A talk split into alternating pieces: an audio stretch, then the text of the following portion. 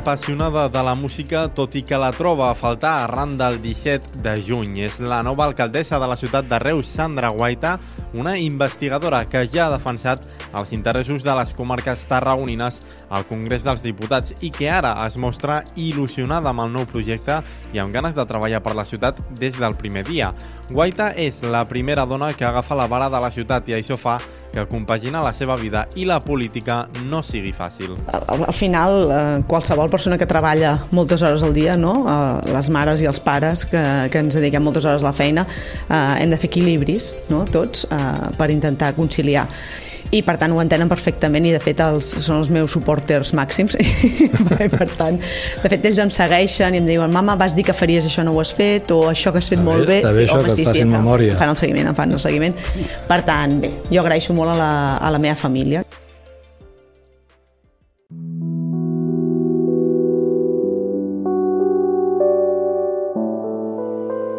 L'alcaldessa i el seu equip de govern ja han començat a treballar.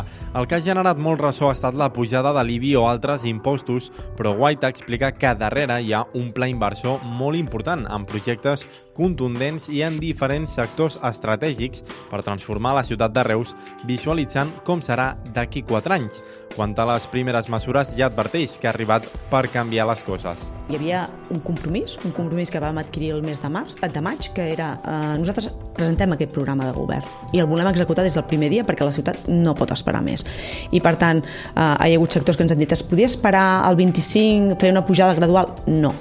Des del nostre punt de vista, la ciutat porta molt de temps aturada i, per tant, s'han de fer accions des del primer dia. I jo ho he dit sempre, si algú es pensava que la nova alcaldessa es quedaria fent el mateix que es feia fins ara, s'ha equivocat d'alcaldessa, perquè jo ho vaig dir sempre que veníem, o sigui, l'eslògan de campanya era canvi, i per tant aquí venim a canviar les coses. I les coses es canvien des del minut 1. La nova alcaldessa també mira al passat i al futur de la mà del talent jove i valora positivament que la ciutat sigui pionera en treballar amb la universitat en projectes com, per exemple, l'Eurecat.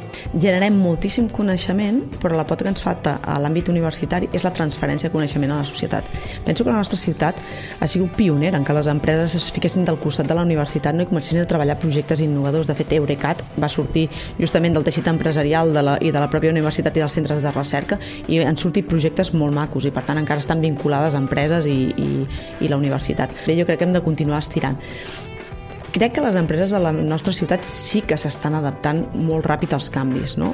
Quant al territori, Guaita, igual que el seu partit, es posiciona a favor del hard rock i també en l'àrea metropolitana, tot amb un punt d'ambició per passar ja a l'acció. Nosaltres pensem que hi ha feina feta, que, que ja està molt bé que estigui feta no? i que han sembrat un camp de cultiu. No? El que passa és que pensem que hem d'anar una mica més a, a la part executiva. No? O sigui, ara teníem molta teoria del que podia ser la regió metropolitana o l'àrea metropolitana i el que nosaltres volem és aterrar la teoria perquè fins ara s'havien fet molts documents que estaven super ben treballats però no, el que dèieu abans no ho, acabem, no ho acabàvem d'aterrar mai no?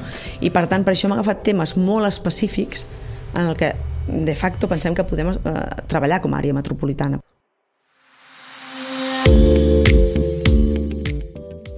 Dels temes més nombrats també és el transport. Guaita lamenta la complicadesa per arribar a municipis veïns i creu que la regió permetrà mirar amb una perspectiva més àmplia. I nosaltres no podem tenir un territori equilibrat si no tenim unes infraestructures equilibrades, perquè la gent llavors acaba vivint als llocs on és fàcil accedir o fàcil arribar. Eh, per tant, hem de facilitar que les infraestructures arribin a, tots els sectors del nostre territori. Per això et parlava abans, no, no pot ser que per anar a altres municipis que sigui tan complicat arribar amb transport públic. No? Per tant, primer, facilitar les infraestructures i després teixir, teixir estratègies comunes. El, el, el tema de la regió ens permet també mirar en visió global la promoció econòmica, el turisme, que Amb tot, Guaita creu que la clau per la millora del transport al territori passa per projectes com, per exemple, l'estació intermodal de Vilaseca. Nosaltres estem treballant molt i, de fet, l'anterior mandat que jo estava al Congrés es va tornar a posar damunt de la taula i es va tornar a pressupostar l'estació intermodal que no, no hem parlat aquí però crec que és una eina imprescindible pel Camp de Tarragona.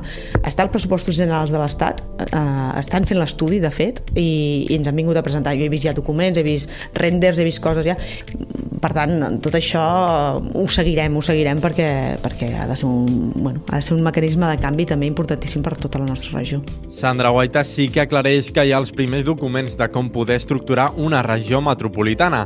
L'actual alcaldessa de Reus també assegura que amb aquests documents es busca definir el concepte i treballar en una regió o àrea amb un model propi pel Camp de Tarragona. Per aconseguir això també calen complicitats, no només amb la Generalitat, sinó també amb l'estat espanyol. Justament de política nacional ha parlat Guaita, que ha celebrat que es treballi en l'acord amb el recent pacte entre el Partit Socialista i Junts per Catalunya. Hem de rebaixar una mica les paraules, el to de les paraules, i buscar en aquells punts en què hi hagi acord i començar a treballar amb l'acord. No? Després ja venen les discrepàncies, perquè òbviament cada formació política té la seva manera de, de veure la vida, no? en general. Però busquem l'acord i, i pensem, escolta, què pensem que és millor que governi l'Estat? Jo crec que és evident que el que millor que ens pot passar a, Catalunya és que governi un govern progressista a l'Estat. Quan li pregunten sobre si faria el salt a la política estatal novament o a la Generalitat, Guaita somriu i afirma que no vol marxar fora. Sandra Guaita acaba d'aterrar d'alcaldessa i de moment aquí es queda perquè tenim molta feina a fer a la nostra ciutat i per tant jo crec que tenim Sandra Guaita per dies. Tot i la seva passió per la política, Guaita afirma que sí que hi ha molta gent que treballa buscant el pacte, però lamenta que existeixin polítics que distorsionin el debat. Hi ha molta gent que fa política buscant l'acord, el pacte, el diàleg, i és la gran majoria. El que passa que és evident que el focus es fica en aquell que parla d'estómac, no? I amb aquesta visceralitat. I per tant la visceralitat distorsiona tota la resta de debat polític, no? Perquè quan tenim eh, plens a l'Ajuntament o quan estava de diputat al Congrés, plens, aprovacions de lleis o de mocions de, de l'Ajuntament o propostes de l'Ajuntament que passen amb un ampli acord o passen amb un consens, sembla que no cridi tant l'atenció, no? I llavors el focus sempre es posa també no? en, en això, en la víscera, no?